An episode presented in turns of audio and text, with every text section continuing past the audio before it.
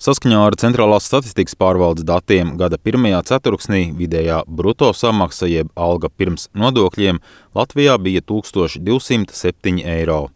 Tas izklausās salīdzinoši maz, ja šo skaitli salīdzina ar tuvākiem kaimiņiem - Lietuvu un Igauniju, kur darba samaksa ir ap pusotru tūkstotu eiro mēnesī. Taču Latvijas situācija var izskatīties arī neslikti, jo gada laikā par spīti pandēmijas ietekmei algas pie mums kāpušas par gandrīz 10%. It kā krīze, darba vietu skaits samazinās, pieaug bezdarbs, bet atalgojums aug vēl straujāk nekā līdz šim. Un tad ir jautājums, kāpēc tās tā ir?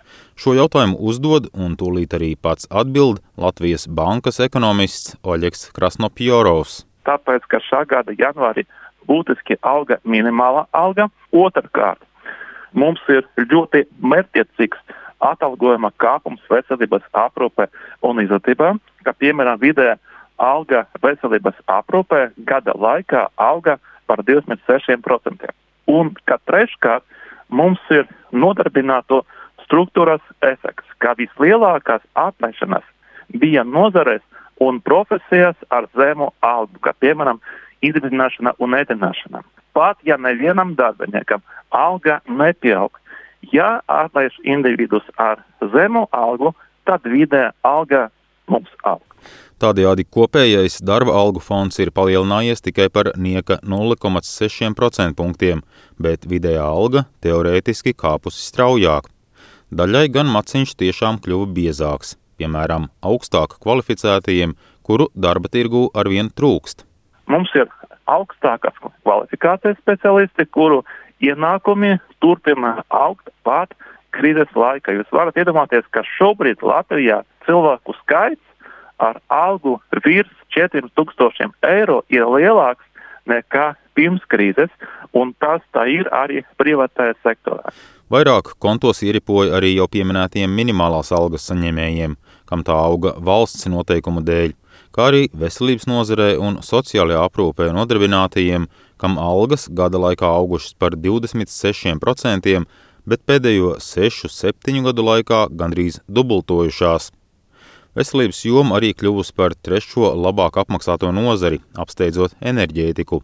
Taču bankas Luminor ekonomikas eksperts Pēteris Strautiņš norāda, ka tas ir taisnīgi un likumsakarīgi, ņemot vērā kvalifikācijas prasības.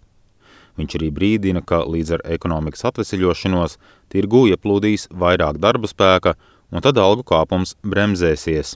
Beidzoties pandēmijai, ekonomikas izaugsme pātrināsies, bet visi šie te algu pieaugumu vai šķietamo algu pieaugumu radošie efekti arī mazināsies. Līdz ar to var būt tāda brīnuma, jā, ka tagad šī gada pirmais ceturksnis vēl tāds diezgan slikts, ekonomikā kritums IKP mazāks nekā pirms gada, bet, bet algu kāpums it kā strauji. Gada beigās varbūt otrādi, ka ekonomikas izaugsme strauji, bet algas it kā, it kā aug lēnāk.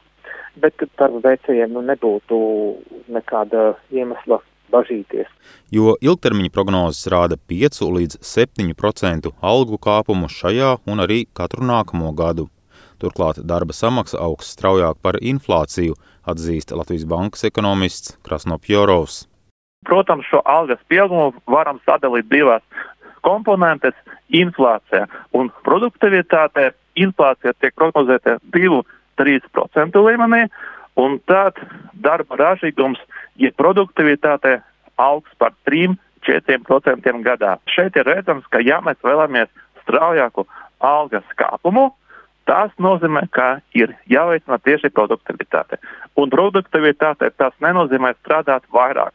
Tas nozīmē strādāt gudrāk, izglītības kvalitāti, mūža izglītības plašāku izplatību, veselības aprūpas uzlabojumu, jo skaidrs, ka tikai labi izglītoti darbinieki var strādāt produktīvāk.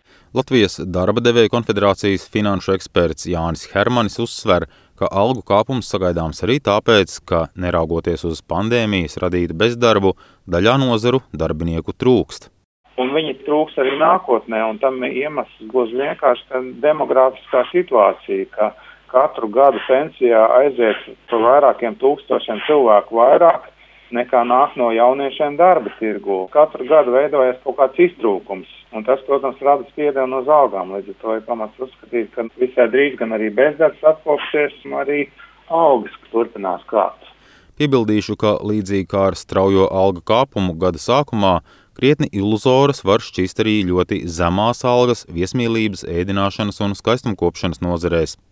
Oficiālie dati tiešām strādājošiem uzrāda mazus ienākumus, taču šajās nozarēs ir arī ļoti augsts ēnu ekonomikas jeb aploksņu algu risks.